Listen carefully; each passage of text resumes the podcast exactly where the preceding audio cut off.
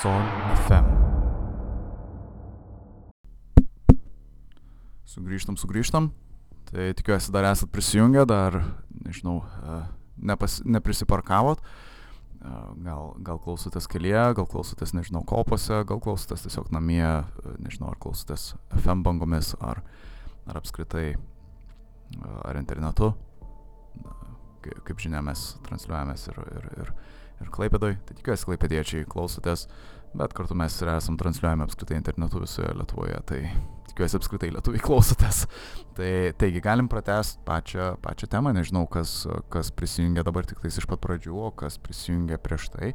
Na, tai tie, kas tik dabar prisijungia, tai mes diskutuojam šiandien apie vieną, vieną garsiausių samokslo teorijų, tai yra apie, apie nusileidimą ant menulio. Uh, tiksliau mes šnekame tik apie patį pirmąjį nusileidimą Menulyje, tai apie Apollo 11, apie 1969 Liepos 20 dienos nusileidimą Menulyje. Tai pirmojoje dalyje daugiau mažiau aš apžvelgiau tam tikras problemas prieš istoriją, tai yra kodėl, kodėl kaip, kaip daug maž yra kaip daug maž yra pateikiama ta pati samokslo teorija, kodėl, sakykime, tuo metu NASA turėjo interesą suklastoti visą tai, o dabar šiuo atveju, šiuo atveju bandysim jau, jau po šios muzikinės trumpos pertraukėlės sugrįžus, pabandysim apžvelgti tam tikrus netitikimus galbūt su pačia kelionė. Vėlgi primenu, aš nebandau pateikti to kaip tikrų įvykių, tai yra pramoginė laida vėlgi ir mes bandom šiek tiek papramogauti su pačiais samokslais ir samokslo teorijom, bet mes jų neišjuokiam, jokių būdų. Mes bandom pasižiūrėti tos pačius faktus ir tai, kas, sakykime, kuom remiantis tie samokslo teoretikai grindžia tą teiginį, kad kad patys, kad tie trys astronautai, tiksliau du astronautai, nenutupė, nenutupė ant menulio paviršiaus 70-mečio pabaigoje. Taigi prieš tai minėjau pačią radiacijos, radiacijos patį veiksnį pačiai kelioniai, tai yra, kad astronautai sugrįžę buvo išties, rodė išties mažius, mažus radiacijos lygius. Tuo tarpu, tuo tarpu Tuo tarpu šiaip teoriškai, bent jau samokslo teo, teoretikų, gal taip sakykime, samokslo teoretikų nuomonė, šie astronautai sugrįžę turėjo turėti, na, kur kas didesnius lygius, radiacijos lygius, prasme, savyje. Ir yra iš ties keista, kad jie... Na, aš vėlgi, matot, nelabai žinau, kodėl tai buvo. Tai galbūt man, man taip tą perskaičius, pasižiūrėjus, tai yra iš ties keista, kad jų radiacijos lygis siekia vos tokį, kokį tu, tu ar aš, sakykime, gautumėm, gautumėm vos vos po vieno rentgeno ir, ir, ir panašiai. Taigi, sekantis galbūt kelionėje ištikęs, iš, iš, ištikusi problema, tai galbūt būtų pats ryšys. Tai dabar klausimas iškyla, čia šiaip klausimas apskritai tas, kaip tie astronautai, sakykime, 70-mečio pabaigoje palaikė ryšį ir jie palaikė jį iš ties taip gerai. Tai kaip žinia, kaip žinia, buvo naudojamas radio ryšys, jisai keliauja šviesos greičiu. Tai daug maž tą suprast pats menulis yra šiek tiek toliau nei viena sekundė, na, ta prasme, šiek tiek toliau nei, nei šviesa gali nukeliauti per vieną sekundę, tai yra pats ryšys menulyje esančius kosmonautus galėjo pasiekti per vien, apie 1,3 sekundės. Dabar vėlgi įsivaizduokit, kad jūs esate tas astronautas menulyje, jūs gaunat kokį nors, nežinau, komentarą, tarkim, liuks, jūs Žemėje tą pasakęs žmogus pasako liuks, jūs gaunat tą atsakymą po 1,3 sekundžių greičiausiai. Tada jūs atsakot irgi lygiai taip pat liuks, tada tas pranešėjas Žemėje jūsų atsakymą gauna vėlgi po 1,3 sekundės. Tai mato, tas ryšys keliavo daug maž po 1,3 sekundę pagreičių į vieną ir į kitą pusę. Tai jeigu mes tą susumuosim, tai mes žinosim, kad tas toks pokalbis įvyksta, na, gan sulėtintai galbūt ir panašiai. Tai tas klausimas dabar iš, iš, iškyla, kodėl tam tikrais atvejais iš bent jau, bent jau e, pačios NASOS išleistuose DVD e, įrašuose galima rasti atveju, kada patys astronautai atsakė į klausimą, kuris jiem būdavo užduodamas anksčiau nei per sekundę. Kaip tai atsitiko? Matot, e, čia šiek tiek keista, kaip pavyzdys yra ne vienas atvejis, ne vienas atvejis pačioj toje vaizdajos, tai kuomet astronautai yra kalbinami, ką jie mato, sakykime, ką jie veikia, ar ką jie daro ir ką jie ruošiasi daryti, sakykime, tam menulio paviršiuje ir jie atsako per mažiau nei vieną sekundę. Tai toks jausmas, lyg tas pokalbis vyksta, vyksta vos ne tam pačiam kambarį, suprantat, o ne, o ne sakykime, nulį. ir iš ties yra keista, nes apskritai ta 1,3 sekundės, tai čia yra tik tais, kad gautum tas vėlavimas tik 1,3 sekundės, bet mes kalbam dar, kad ir tu turi pamastyti atsakymą, jį pateikti. Tai tas 1,3 sekundės yra absoliutus minimumas, kiek laiko, kiek laiko užtrunka. Tai gauti tą, gauti atsakymą per mažiau nei vieną sekundę yra šiek tiek keista. Ir matot, problema yra dabar iškyla ta kita, kad jeigu nueisime NASOS puslapį, mes, tuos, mes tokių įrašų nerasim. Bent jau NASOS teigimu, tai čia yra klaida iš, iš sakykime, DVD pusės, kad DVD kažkokiu būdu sugebėjo apkarpyti galbūt tuos tuos audio klipus, audio įrašus ir, ir tai sudarė tą tokį vaizdą, lyg astronautai šneka greičiau. Tai čia taip oficialiai yra bandoma atsakyti tą patį iškeltą klausimą, kodėl būtent astronautai greičiau, e, greičiau atsako, nei, nei turėtų atsakyti. Čia, čia labai yra keista iš tikrųjų, nes matot, kaip ir minėjau, oficialiai tai pasižiūrėjus jų puslapyje, kaip pavyzdys, mes galime matyti, kad, na, e, vėlgi, e, to, to, to tokios pauzės nėra, tokios trumpos pauzės nėra, pauzė tampa ilgesnė. Taip pat tas iš, iškėlė šiek tiek ke, kelis, kelis sakykime, antakius kai kurių žmonių galvose ir, ir pasidarė šiek tiek keista ir, ir gal galima iškart suprasti tą pačią samokslo teoriją, iš kur jinai kyla, kad kodėl kaip pavyzdys ryšys retkarčiais yra na, greitesnis, pati komunikacija vyksta greičiau nei turėtų vykti, jeigu žmonės būtų išties, išties menulyje stovėtų. Tai vėlgi dabar kitas dalykas dėl pačios transliacijos, video transliacijos, kaip žinia, kaip žinia pati transliacija, na, Apollo mes turim vaizdavestės, to prasme mes turim pačius vaizdo įrašus, mes matėm, kaip jie nusileido, sakykime, tie, kas iš vyresnių publikų, gal mūsų klausytojų galbūt net ir matė, net žiniuose, gal tuo metu transliuoja, gal net, gal net matė, kaip, kaip tas įvykis vyko, sakykime, tiesiogiai, gal net matė tą, aš iš ties nežinau, bet klausimas iškyla, kaip tai, kaip tą pavyko padaryti. Prasme, iš ties tai atrodo keista. Kaip ir minėjau, technologija buvo labai primityvi. Tai pabandykite tą įsivaizduoti. Aš, aš, aš bandau, man tas pirmas galbūt tas klausimas, tas toks labai iškilo kaip. Prasme, aš suprantu, kad žmonės buvo iš ties protingi tuo, tuo laikotarpiu, bet kaip tą padaryti? Prasme, esant menulyje, transliuoti su vaizdo kamera, praktiškai tiesiogiai, na, žinoma, suprantama, tas 1,3 sekundžių atsilikimas vis tiek išlieka, bet kaip tą padaryti ir taip gerai. Ir tai iš ties labai keistai skamba, tarsi iš ties neįtikėtinai, bet, na, taip, tai nėra kažkokia magija, e, tai yra iš ties buvo technologija tuo metu egzistavo, kuri leido transliuoti iš ties tolimais atstumais e, ir panašiai, bet e, ta technologija, kaip jinai veikia, tai yra esmė, kad jeigu įsijungtumėt, kaip pavyzdys, Apollo, Apollo nuotraukas, NASA viešina jas, jos yra kažkaip prieinamos visos, jų ten daugybė, sakykime, šimtai tų nuotraukų. Jūs galite pamatyti, kad kai, kuriuose nuotraukose yra tokia kaip ir kaip lėkštė, kuri atrodo gal daugiau kaip lietsargis, kuri yra nutaikyta daugiau mažiau žemę. Vėlgi, kaip tą padaryti, tai pati, pats, pats veikimo principas tai labai paprastas, tai iš esmės iš esmės kiekvienas iš astronautų, na, bet kuris iš astronautų nutūpęs, sakykime, menulyje, jisai turėjo pasimti tą lėkštę, jam, joje yra toks kaip taikiklis, toks apskritimas ir su to, sakykime, tą apskritimą nutaikyti žemę, kad grinai tas apskritimas apimtų žemę ir, ir pastoviai tą laikyti taip. Dabar problema, ką mes pamatom, tai panašių principų, matot, Žemėje iki šiol veikia šitie, šitie transliavimo metodai. Mes iš ties matom kaip pavyzdys, sakykime, televizijos grupės, kurie turi tos tokias didžiulės, sakykime, tie didžiuliai kambariai, sakykime, transliavimo kambariai, su kuriais atvažiuoja, kurie būna pritvirtinti net prie žemės, kad jie net nejudėtų, jie būna pritvirtinti prie žemės ir jie turi uh, specialiai tam nutaikytą uh, translia, transliavimo, sakykime, tą savo anteną, kuri yra nutaikyta vėlgi į dangų. Jeigu esate matę, kaip pavyzdys, va, čia tarkim Vilniuje būna dažnai, kad jeigu kažkas filmuoja ar dar kažką mes galim pamatyti tokius dalykus.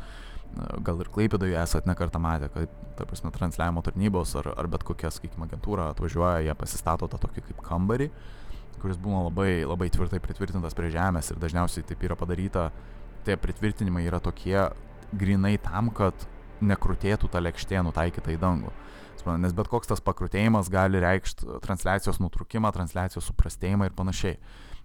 Dabar problema yra tame, kad mes kai žiūrim NASOS nusileidimus menulyje, mes matom, kad jie yra gan geri, jie yra labai kokybiški ir panašiai, tai susidaro tas toks įspūdis, kad ta lėkštė turėjo būti nutaikyta sniperio tikslumu, ta prasme, jinai turėjo būti nutaikyta labai labai puikiai. Uh, ir taip, na iš ties taip ir buvo, jie paėmė ranką, sakykime, astronautai patys ranką paėmė ir nutaikydavo tas lėkštes. Dabar problema yra tame, kad uh, matot, mes turim vaizdo įrašus iš vėlesnių, čia nais dabar šiek tiek yra susiję ir su vėlesniais Apollo, Apollo skrydžiais. Tai yra Apollo nusileido su to vadinamu uh, buggy, tai su tuo, uh, su tuo, sakykime, automobiliuku, gal tokiu džipuku, uh, paminėkim, su kuriuo važinėjo, astronautai važinėjo Menulio paviršiumi. Uh, dabar matot, ant to, ant to uh, džipuko buvo pastatytas labai jokingai gal tai skamba, bet prasme, ant to džipuko buvo pastatyta tiek kamera, tiek, tas, tiek ta transliavimo, tiek ta transliavimo antena tam tikrais atvejais ir mes galime matyti, kad kai važinėjo tas džipukas, ta transliavimo antena apskritai pats astronautas filmavo, e, ta, nes, kartu nesėdintis astronautas tiesiog iš, įsivaizduokit, stovėdamas, stovėdamas šalimais filmavo, kaip kitas astronautas važinėja su tuo džipu ant kurio yra uždėta ta antena ir mes galime matyti, kaip jinai kratosi tą anteną ir jinai į visas pusės, sakykime, sukinėjasi ir panašiai. Aš jau kaip ir minėjau, tai yra labai jautrus dalykas, tas taikiklis turi išlikti, na, visiškai šimtų procentų nutaikytas grinai į tą, į tą uh, pusę, grinai į tą žemės pusę, jis, jinai tiesiai turi žiūrėti žemę ir bet koks toks va, pasislankiojimas reikštų transliacijos nutrukimą, transliacijos bent jau suprastėjimą apskritai. Uh, bet to nebuvo. Kaip, kaip žinia, esmė, jie važinėjosi paprastai, astronautai, ta, ta antena pastovi buvo visai judinama ir, ir apskritai tiesiog jeigu įsijungus, įsijungus bet kurią iš transliacijų Apollo, nebūtinai 11, bet kaip ir minėjau, sekančių Apollo skrydžių, ta prasme, vaizdavęs, tai Apollo kaip pavyzdys 14, Apollo 15, Apollo 17, galit rasti, galit pamatyti tiksliau kaip jie judino tas antenas, bet kaip ir pati transliacija nei kiek nesuprastėjo. Tai yra išties sudėtingas dalykas. Tai išties sudėtingas suprasti dalykas galbūt. Ir, ir galbūt čia samokslo teoretikai bando tą, na, tai paaiškinti, kad paprasčiausiai viskas veikia dėl to, kad, na, viskas yra filmuojama studijoje, suprantat, o ne, o ne menulyje. Tai dėl to viskas ir veikia puikiai, nes viskas buvo studijoje. Dabar kitas dalykas yra Dabar gal šiek tiek pabandysim ir su tais atsikirtimais galbūt. Uh, pašnei. Arba, arba gal žinot, gal ne. Gal prieš atsikirtimus gal reikėtų vis dėlto atleiskit, kad čia aš taip maišau. Visus, bet gal pabandykim dabar apžvelgti pačias nuotraukas, nes čia būtų galbūt, uh, galbūt pavyktų, ga, gal būtų paprasčiau tą viską paaiškinti. Tai ir, ir, ir labiau nusekliau viskas gautųsi. Tai gal pirmą prieikim prie uh, pačių nuotraukų. Tai uh, kaip jos buvo nufotografuotos. Prasme, mes suprantam, kad jos buvo nufotografuotos naudojant uh, Hasselblad uh, kamerą. Tai yra iš ties ta tokia vin, vin, vintažinė, gal sakykime, tokia seno, senovinė, galbūt jinai dabar atrodo ta kamera, bet jos yra iš ties geros kameros, jos fotografuoja idealiai. Sakykime, uh, mes nebandysim apžvelgti, kodėl, kaip pavyzdys, uh, na gerai, gal pabandykim apžvelgti vis dėlto, nes matau, kad kai kuriem gali būti įdomu. Tai uh, kai kurie samokslo teoretikai sako, kad uh, pačios, pačios nuotraukos yra netikros, nes vėlgi mes nematom žvaigždžių. Čia nėra tiesa, matot, pati kamera buvo nustatyta, nustatyta tokiu režimu, kuris neleido paprasčiausiai nufotografuoti nufotografuot žvaigždžių.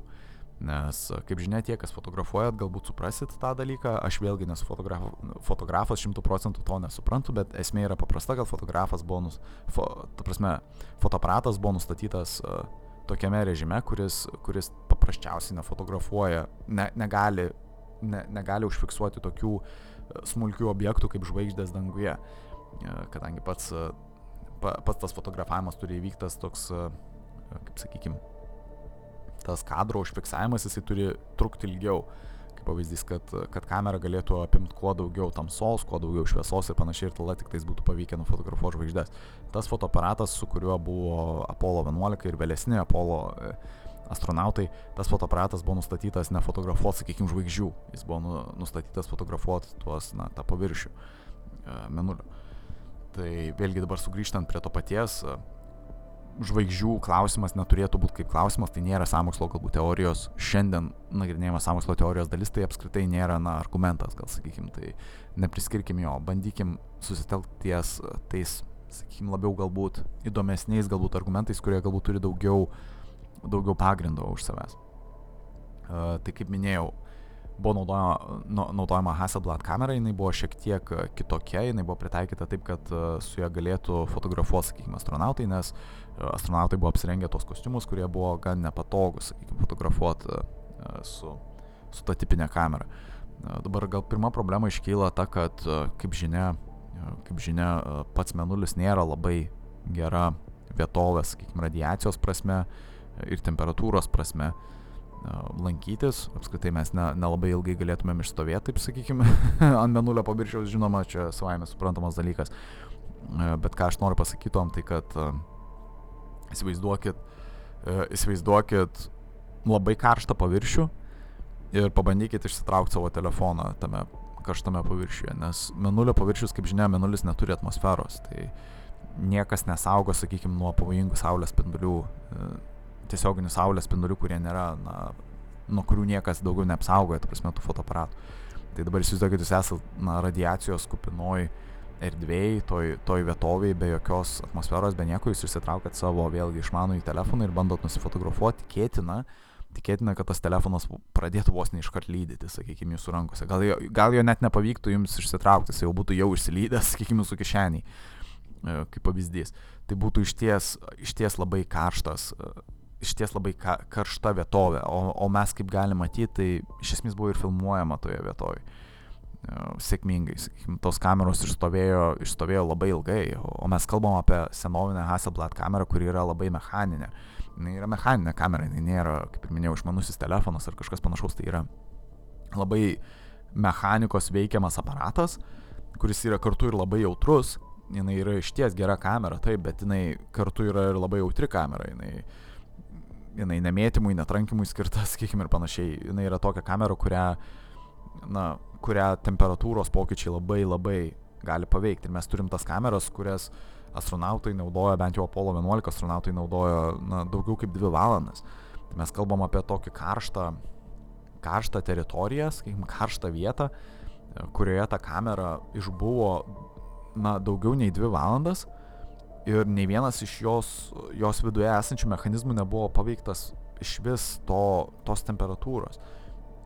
Išties, neįki, išties neįtikėtina, aš, aš nežinau, bet bent jau oficialiai, bent jau kas bandoma paaiškinti, tai matot, ta kamera buvo tikėtina, kad jinai buvo apsaugota nuo tokių dalykų, tokių pokyčių, jinai buvo šiek tiek pakeista, jinai nebuvo originali kamera. Sakykime, jinai NASA šiek tiek pagudravo, ten kažko pridėjo, kad padėtų išvengti tų tokių mechaninių, mechaninių problemų. Na, dabar kitas galbūt šiek tiek dalykas. Tai toliau tęsim klausimus galbūt apie, apie pačias nuotraukas. Tai jeigu mes dabar žiūrėsim, įsijungtumėm pačią nuotrauką, galbūt pirmas klausimas būtų, kodėl jos tokios geros. Nežinau, ar yra iškilęs apskritai toks klausimas kam nors, bet na, kai kuriems samokslo teoretikam tai buvo tiesiog paprasčiausia, kodėl tos nuotraukos yra tokios geros.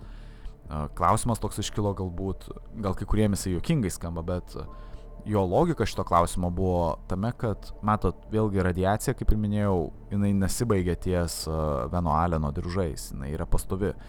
Radiacija kosmose yra normalus, sakykime, dalykas.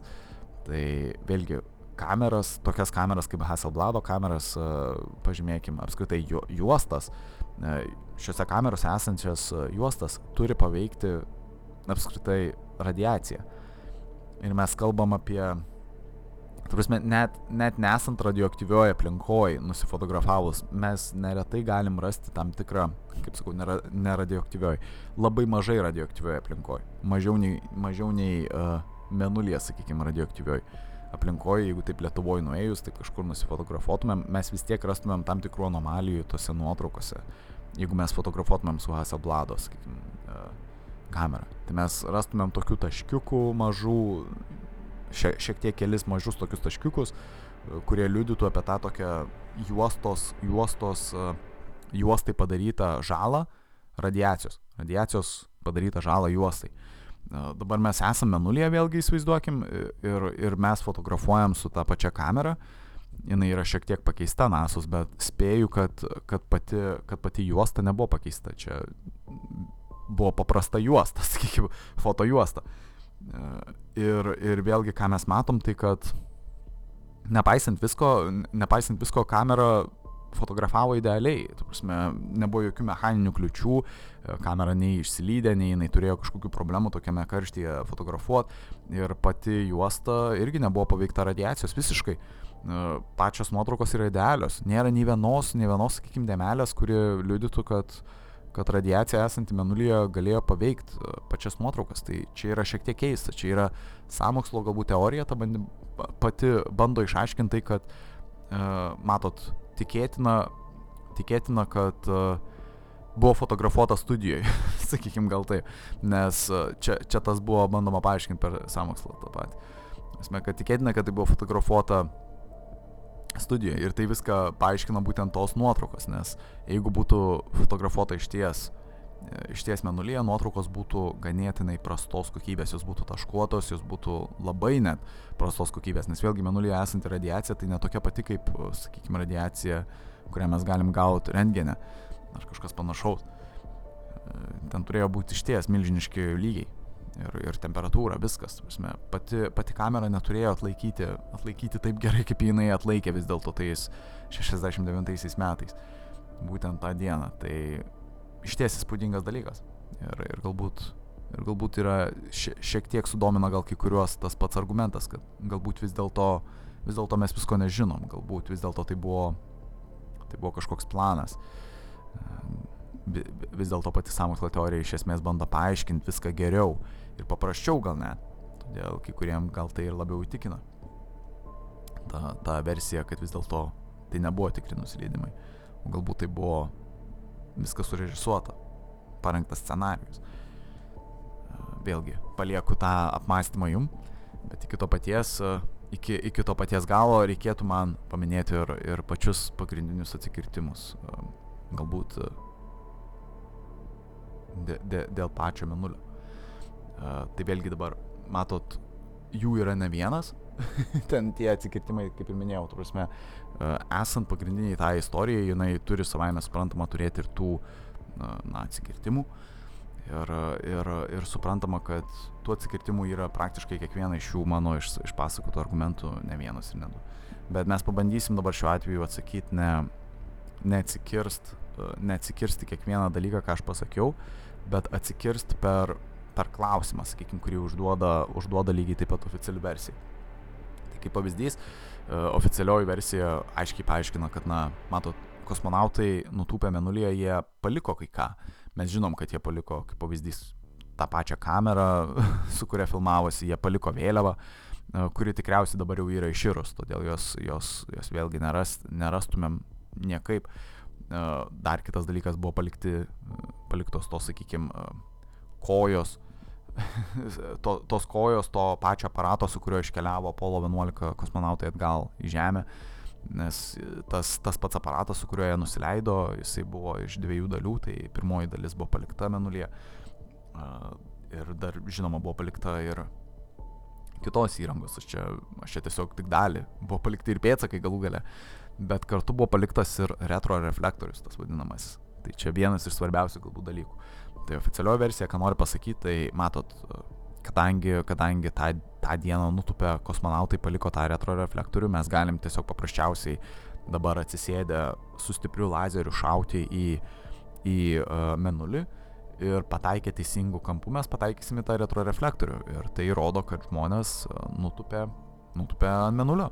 Matot labai labai paprasta logika. Tai na, kad suprast, ką, ką tai reiškia tie retroreflektoriai, tai tiesiog įsivaizduokit kaip veidrodį, nu, tai paprasčiau, paprasčiausiai tariant, tai nėra veidrodis, žinoma, tai yra daugiau toks kaip atšvaitas, atrodo, bet, na, tai yra specialus aparatas, sakykime, bet įsivaizduokit kaip veidrodį. Tai na, logika yra paprasta, tai kadangi mes galim nutaikyti lazerį dabar, kad ir dabar, o šį vakarą, šią naktį tiesiai į, į, į tą į menulį, į tą vietą, kur daug maž buvo, kur, kur daug maž buvo nutūpę Apollo 11 astronautai, kadangi mes galim šauti lazerį ir gauti lazerį atgal, tai yra jisai, jisai tuo veidrodžiu yra atmušamas atgal, mes galim apskaičiuoti milimetrų, sakykime, tikslumu patį menulio atstumą. Šitą aplinkybę leidžia daryti išvadą, kad tie palikti retro reflektoriai liudija apie, apie nusileidimą menulyje. Tai tikriausiai suprantat patį argumentą. Bet dabar kaip bando uh, samokslo teoretikai tą išaiškinti, tai uh, retro reflektoriai nereiškia, kad jų palikimas, tenais nufilmuotas palikimas, nes vėlgi ten net yra nufilmuojama, kaip yra jie pastatomi, sakykime, Apollo 11 tą vaizdavęs, bet tas palikimas nereiškia, kad, iš esmės nereiškia, kad žmonės juos paliko. Matot, rusai jau sugebėjo, sugebėjo nutupdyti tos vadinamosius robotukus, tokius mažiukus, su jais pasivažinėti menulio paviršiuje dar, dar prieš Apollo 11. Amerikiečiai tikėtina galėjo tą padaryti lygiai taip pat. Tai retroreflektorių padėti ant, ant menulio paviršiaus tau nereikia nutupdyti dviejų astronautų tenais. Tau tai reikia nu, jį, jį pastatyti su robotuku. Tai prasme, tau nereikia to padaryti. Čia, čia kaip pavyzdys. Čia kaip pavyzdys buvo ir su tais rusais. Jie, jiem nereikėjo žmonių, kad, kad tą robotuką išsiųstų. Ta prasme, jiem nereikėjo nutupdyti astronautų žmonių, kad tas robotukas pasirodytų kosmose. Jie tiesiog iššovė raketą, tenais nutupdė reikalingą techniką ir viskas. Uh, tau nereikia ir mėginių, e, ta prasme, tau ir nereikia mėginių kokių nors paimti, tau nereikia žmonių, sakykime, siūsti. Tu gali juos paimti kitaip, per tos pačius robotukus. Tai viską gali atlikti technika pagrindę. Tai tuos pačius retro reflektorius galėjo palikti, kad ir, sakykime, bet koks, be, bet koks robotukas paliktas Amerikos. A, dabar kitas dalykas, kitas klausimas būtų a, galbūt šiek tiek vėl, vėl, vėl iš oficialios versijos, tai o kaip dėl tų menulio liekanų, nu, menulio akmenų, tų tokių medžiagų ir viso kito, kurios, kurias atitempia tie patys astronautai. Tai vėlgi mes, kaip žinom, tai astronautai net, netvyko tuščiomis rankomis, jie atvyko su, na, su nemažai saujų, sakykime, berots daugiau nei 20 kg menulio, menulio liekanų, menulio akmenų tų vadinamųjų. Ir jeigu jie su jais atvyko, tai tikėtina, kad jie buvo menulyje. Čia yra tokia logika. Dabar klausimas, ar taip iš tikrųjų reiškia, samokslo teoretikai gali paaiškinti tą kitaip. Matot, tau nereikia apsilankyti menulyje, kad tu turėtum menulio akmenų savi, pas save rankose. Kaip pavyzdys, suprantat šitą, ką noriu pasakyti. Menulis pastoviai byra. Įsivaizduokit tą dalyką. Čia yra faktas. Menul... Ta prasme, į mūsų žemę nukrenta menulio akmenų pastoviai, mums nereikia nutūpti ant menulio, kad mes išsitrauktumėm kažkiek menulio liekanų, tai prasme, kad jų paimtumėm kažkokių mėginių. Mes tą galim padaryti paprasčiausiai žemėje, suradę menulio liekanų. Nes, kaip ir minėjau, nuo menulio šitie dalykai nukrenta ir jie krenta ir vis pasiekia mūsų žemę. Tai yra pastovus procesas, tai buvo ir seniau įvykęs procesas, seniau, kai, kai žemė ir menulis, prasme, dar formavosi realiai, tai tos liekanos pastoviai krito. Uh, Tai įsivaizduokit, kad Žemėje rasti to dalyko įmanoma, tų medžiagų iš menulio. Klausimas, iš kur jo, jos galima rasti? Antarktidoje. Dabar kitas dalykas, Antarktidos dalį valdo ir Amerika. Mes, kaip žinom, Junktinės Amerikos valstijos pagal, pagal tarptautinę sutartį tam tikrą. Uh, jos vėlgi neapžvelginėsiu, čia nėra šiandienos tema, bet uh, pagal tą sutartį tam tikros valstybės pasaulyje yra pasidalinusios Antarktidos tam tikras zonas.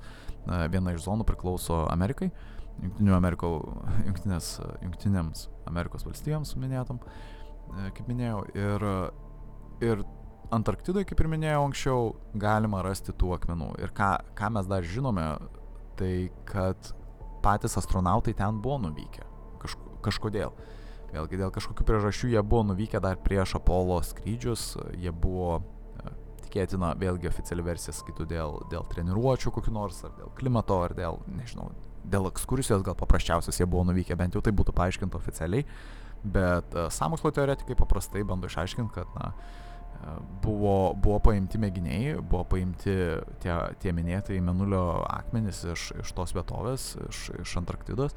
Vėlgi Antarktidoje nėra tiek jų daug, čia nesupraskite to, kad, kad menulyje esantis, esantis tas smėlis, tas vadinamas regolitas, tas menulio regolitas, jisai nėra toks, tokia dažna medžiaga Žemėje, bet Antarktidoje jos tikrai galima rasti gan sunkiai, bet įmanoma rasti ir tikėtina, bent jau pagal samokslo teoretikų tą teoriją visą, kad būtent ta medžiaga, ta medžiaga buvo surinkta uh, Junktinių Amerikos valstijų, buvo jinai pristatyta ir paaiškinta patiem astronautam, kurie buvo nuvykę į Antarktidą, aplankė ją ir tokiu būdu buvo viskas, na, kaip ir užmaskuota, sakykime.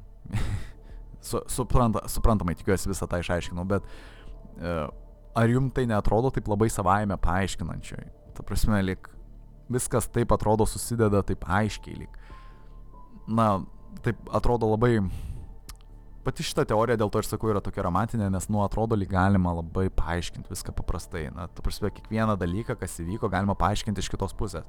Tarkim, oficiali versija gali vienaip sakyti, o ta alternatyvi samokslo ta teorija gali paaiškinti viską visiškai kitaip. Ir atrodo, ir atrodo nuolatos mes turėsim žmonių, kurie palaiko abi versijas. Tu prasme, tiek, tiek oficialią, tiek, tiek alternatyvę, tas, sakykime, sa, samokslinę labiau versiją. Ir panašiai. Ir čia galbūt prisideda prie to romanticizmo, mano anksčiau minėtojo, to viso kosmoso rom romantikos. Tai nieko nepažeidžia, tu prasme, niekas nenukenti nuo, nuo ne vienos iš šitų teorijų.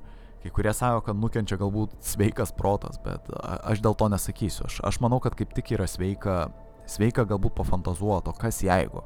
O kas jeigu būtų pabandyta, sakykime, suklastoti visą tą dalyką ir apgauti visuomenę? Ar, ar, ar tai nebūtų įmanoma? Bet gerai, pabandykim pratesti. Čia nais, užtenka tų mano fantazijų.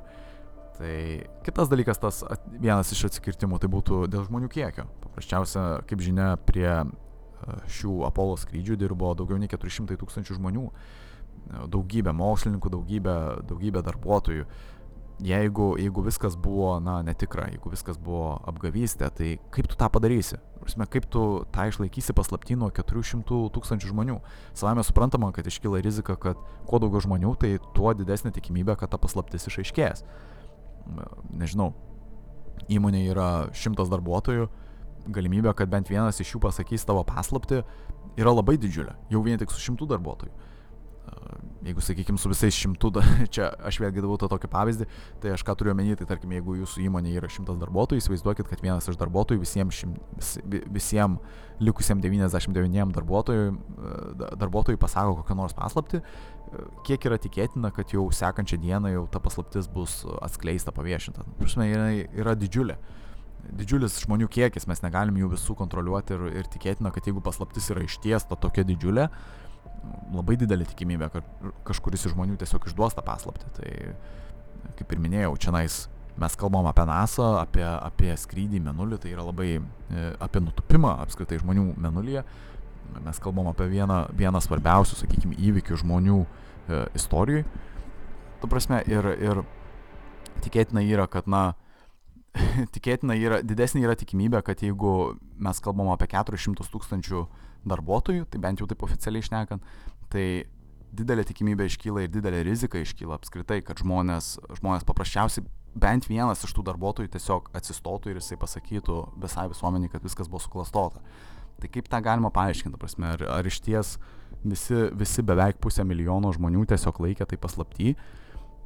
Dabar klausimas iškyla, matot, bent jau samokslo teorija bando tą paaiškinti, ar iš ties 400 tūkstančių žmonių reikėjo laikyti tą paslaptį. E, matot, tikėtina, kad ne, tai reikėjo mažos organizuotos grupės, kuri galėtų, kuri galėtų sakykime, nufilmuotą visą vaizdą ir pateikti, pateikti tą tiem patiem, e, tiem patiem darbuotojim kaip tikrą versiją.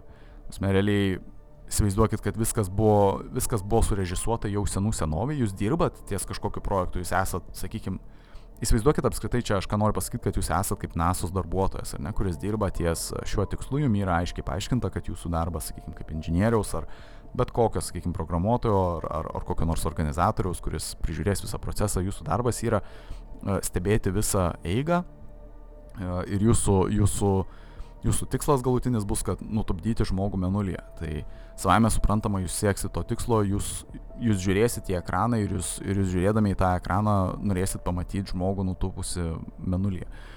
Ir, ir čia tuom ir užsibaigia visas tas jūsų darbo procesas, jūs esat labai kompartmentalizuotas, gal taip sakykime, jūs esat uždaromas į tam tikrą erdvę ir jūs daugiau nežinot, jūs nežinot nei kas pradeda tą, ta prasme, jūs nežinot nei kas organizuoja, kas aukščiau, kas yra žemiau, jūs, jūs tiesiog žinot konkretų jum, jums skirtą darbą ir panašiai. Čia yra, jums sukuria kaip realiai iliuzija jūsų darbo ir jūsų pastangų ir jūsų, ir jūsų siekių. Tai čia aš ką noriu pasakyti, čia viskas skamba kaip samokslas ir tai ir yra būtent ta samokslo teorijos dalis. Ta kompartmentalizacija, ta vadinamoji, kaip aš minėjau. Kad realiai tas darbas, kurį atliko NASOS darbuotojai, jis, jis buvo realus darbas, ta, tas 400 tūkstančių, kaip ir minėjau, darbuotojų darbas bet jis buvo nereikalingas, kadangi tiem darbuotojam lygiai taip pat jie buvo patys pirmieji, kurie buvo apgauti realiai šiuo atveju. Jiem, tikiuosi suprantamai tą aš bandau išaiškinti. Čia aš galbūt labai, labai komplikuotai viskas skamba, bet e, aš tą ir noriu pasakyti, kad kiekvienas darbuotojas buvo atsakingas už griežtai tam tikrą vietą. E, kaip ir minėjau, tam tikri, e, tam tikri dalykai susiję su technika ir inžinierija buvo apskritai perduoti subrangovam ir kitiem generaliniam rangovam, kaip pavyzdys. Ir apskritai kiekvienas dirbo tik savo atskirą darbą ir galų gale tie žmonės tikriausiai buvo apgauti patys pirmieji, jie žiūrėjo į ekraną, jie matė, jie matė tą skrydį ir panašiai, bet ką jie realiai matė, tai buvo tiesiog paleista vaizdajuostė, kuri buvo surežisuota kelių žmonių. Suprantat, ką noriu pasakyti, čia tikėtina. Bet čia taip yra bandoma išaiškinti per sąmokslo teoretiką, na, tą pačią teoriją, kad galimybė, galimybė surežisuot viską šitą sukurti nereikėjo, tam kad, tam, kad pavyktų šitą dalyką taip parduoti žmonėm, nereikėjo, nereikėjo 400 tūkstančių žmonių pagalbos. Tai reikėjo mažos grupuotės žmonių, politiškai tikriausiai motivuotų, vėlgi, kaip visada, jeigu samokslo teorija, tai turi būti bent, bent šiek tiek kažkaip politiškai motivuota. Tai viskas, ko reikėjo, tai tiesiog mažos grupuotės viduje, NASOS viduje esančios mažos grupuotės, e, kuri veikia tikriausiai aukščiausių lygmenių e, ir, ir, ir tarpusavį susitarė, kad kad viskas bus daroma pagal šį planą ir kad realiai visi kiti žmonės tegul lieka prie savo darbų, sakykime, lieka to iliuzijoje, kad jie kažką, sakykime, atlieka, kažką sukuria. O realiai, o realiai kas bus padaroma, tai bus sukūriamas, sakykime, filmas nufilmuojamas, kuris bus paleistas galų gale kiekvieno žmogaus ekranuose ir tuom viskas užsibaigs. Tai čia, čia ta tokia, čia, čia tas toks paaiškinimas galbūt į tą atsikirtimą dėl žmonių kiekio. Tai vėlgi čia yra gan ga, gan atrodo paaiškinanti viską ta pati samokslo teorija. Man, tu prasme, gan, ga, gan keistai tą žiūrėti, bet uh, daugybę klausimų atrodo užduodi ir kiekvieną iš tų klausimų vis randi atsakymą to pačioj samokslo teorijoje. Tai viskas, viskas atrodo, na taip susideda, vos netrodo paprasčiau. Ir galbūt iš esmės dabar klausimas iškyla, kaip viskas tada turėjo atsitikti pagal samokslo teoriją. Ta prasme, kaip, kaip viskas atsitiko. Mes jau žinom oficialią oficialią teoriją, tai oficialiai jinai, ne teorija, sakykime, oficiali versija, kaip viskas įvyko. Tai mes jau ją žinom paprastai, kad e, buvo išsiųsti tris astronautai, du iš jų nulipo menulyje, trečias apskrido, aporbitavo, sakykime, menulį. E, viskas įvyko sėkmingai, e, visi žmonės sėkmingai sugrįžo, visi trys astronautai ir žmonės švenčia iki šiol, sakykime, sėkmingą nusilip, nusileidimą menulyje. Pirmojo, pirmoji, pirmąjį žmogaus nusileidimą. E, dabar klausimas iškyla, e, dabar gal, gal jokingai nuskambės, bet, prasme, kaip tą galėjo padaryti, kaip tą galėjo, kaip tą įsivaizduoja apskritai patys samokslo teoretikai. Tai pati versija skamba taip, kad daugmaž e, NASA, NASA kažkur vėliau po 62 metų, tai yra po Kennedžio pasisakymo, kad mes iki, tiksliau, kad Junktinės Amerikos valstijos kad vakarai būtent iki, iki dešimtmečio pabaigos, tai iki 69 metų pabaigos, nutupdys žmogų menulyje. Po šito pasisakymo Kenedžio NASA netrukus suprato, kad technologiškai tai yra tikriausiai neįmanoma ir tai kainuos daugybę resursų.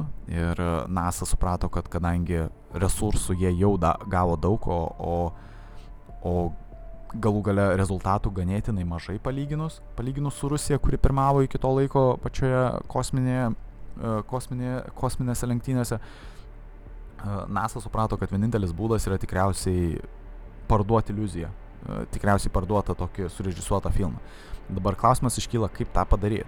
Vėlgi, reikalingas geras režisierius, reikalingas geras žmogus, kuris, sakau, geras žmogus, galbūt kalbu apie talentingą žmogų, iš ties talentingas režisierius, talentingas, talentingas asmo, kuris, kuris galėtų, galėtų tą padaryti iš ties įtikinamai.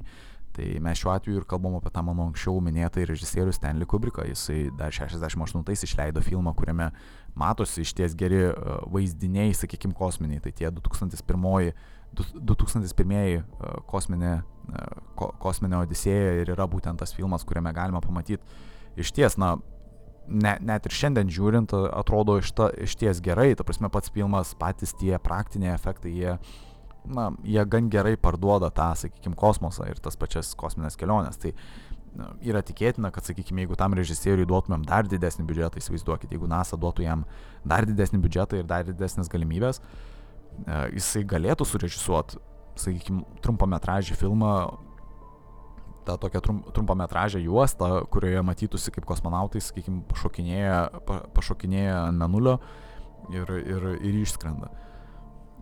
Tai tikėtina yra, kad taip ir atsitiko, tai buvo nufilmuotas, sakykime, kažkur, ka, ka, kažkuriam iš angarų, sakykime, iš daugybės slaptų angarų, kurias turi Junktinės Amerikos valstijos ir po šio įrašo sukūrimo visa tai buvo ištransliuota būtent 69 metų Liepos 20 dieną.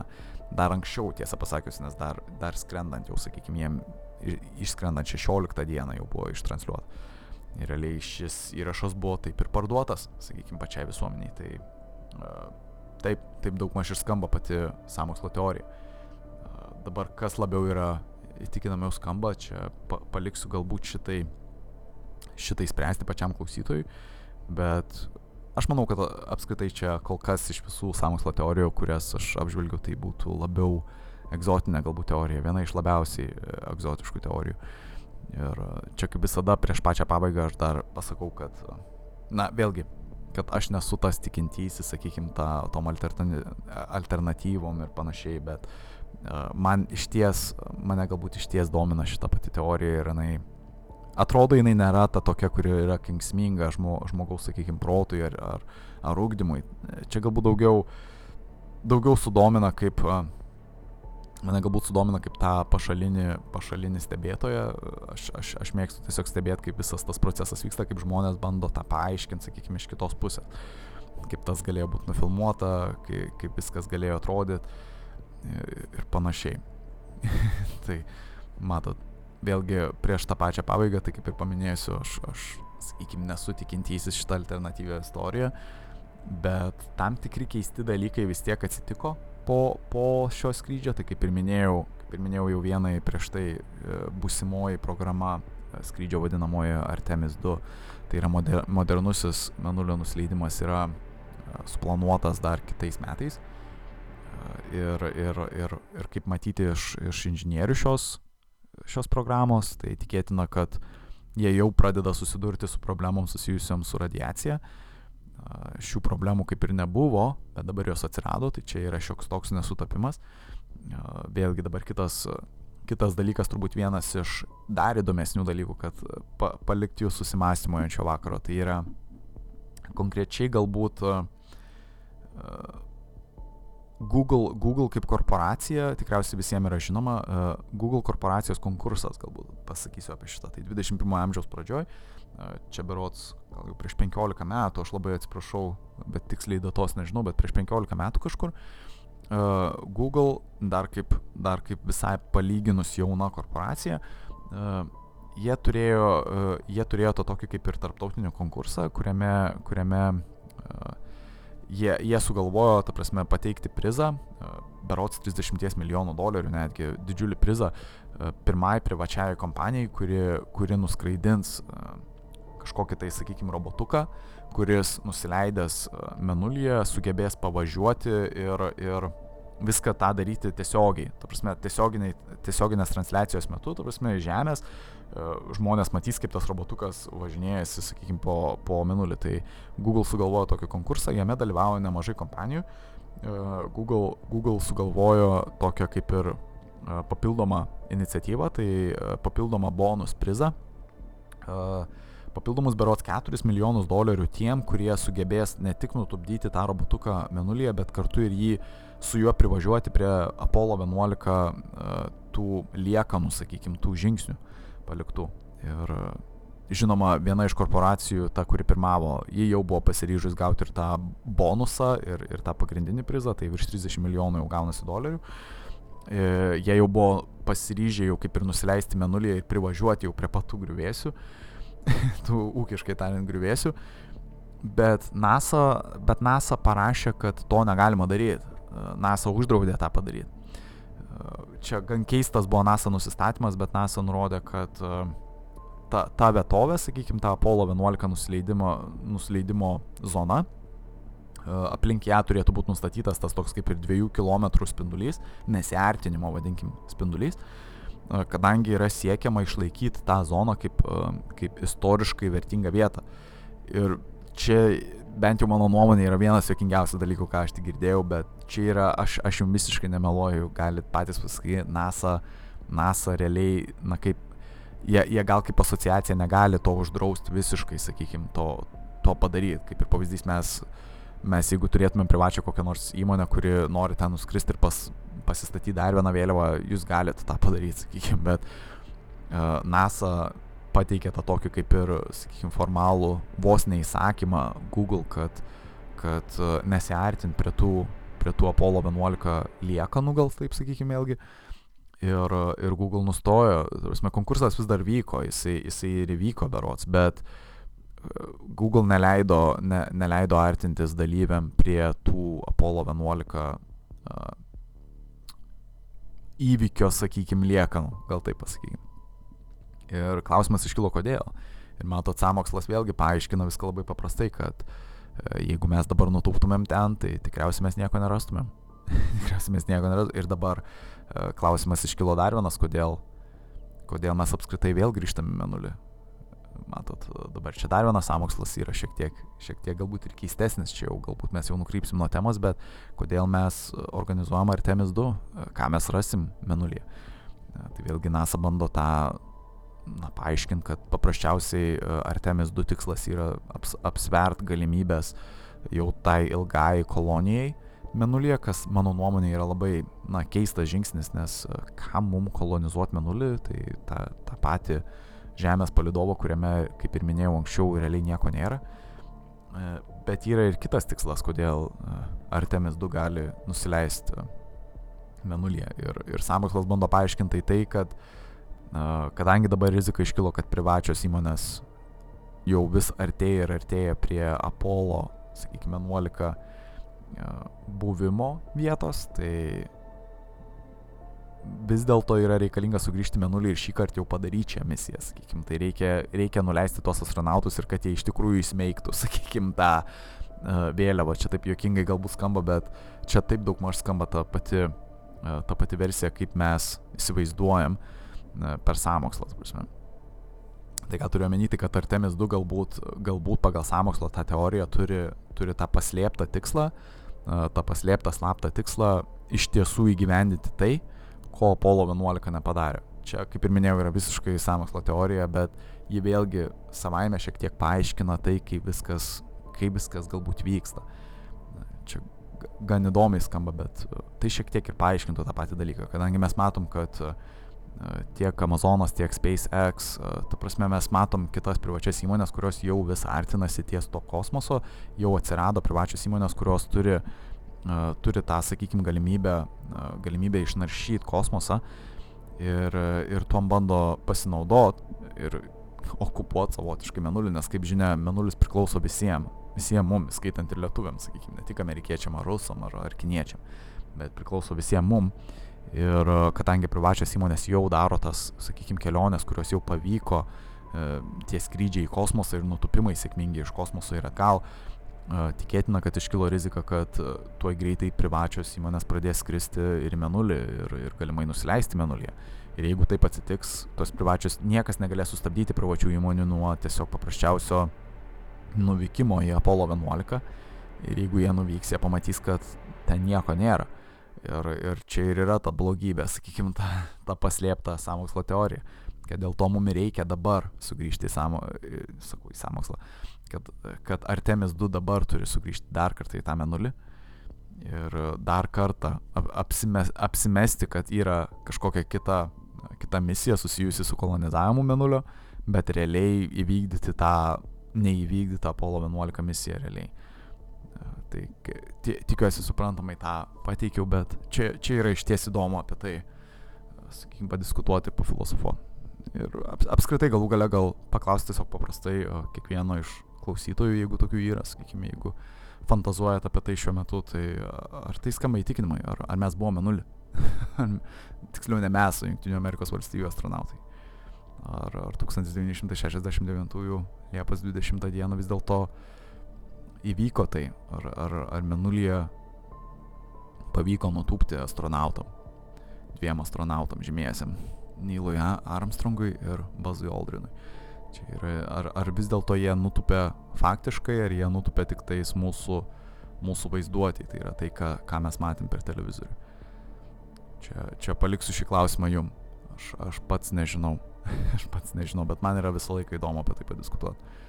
Jeigu, jeigu jūs turit savų versijų, ar, ar, ar apskritai manot, kad aš gal kažko nepastebėjau, gal kažką praleidau, ar apie kažką atsisakiau diskutuoti, jūs galit man visada parašyti, arba paskambinti, pakalbėti. Ir atsakykite klausimą, kaip manot, ar vis dėlto menulio nusileidimai buvo tiesa, ar tai vis dėlto yra labai įdomi istorija ir melo apipimtas samokslas, samokslo teorija tiksliau. Ar, ar vis dėlto man pavyko tą pateikti šitą žinutę įdomiai ir įtikinamai ar ne. Galite pasakyti savo versiją. E, tai kaip ir atsisveikinu su jumis kol kas. Dėkui labai uždėmesi. Ir iki, likit su Solofem.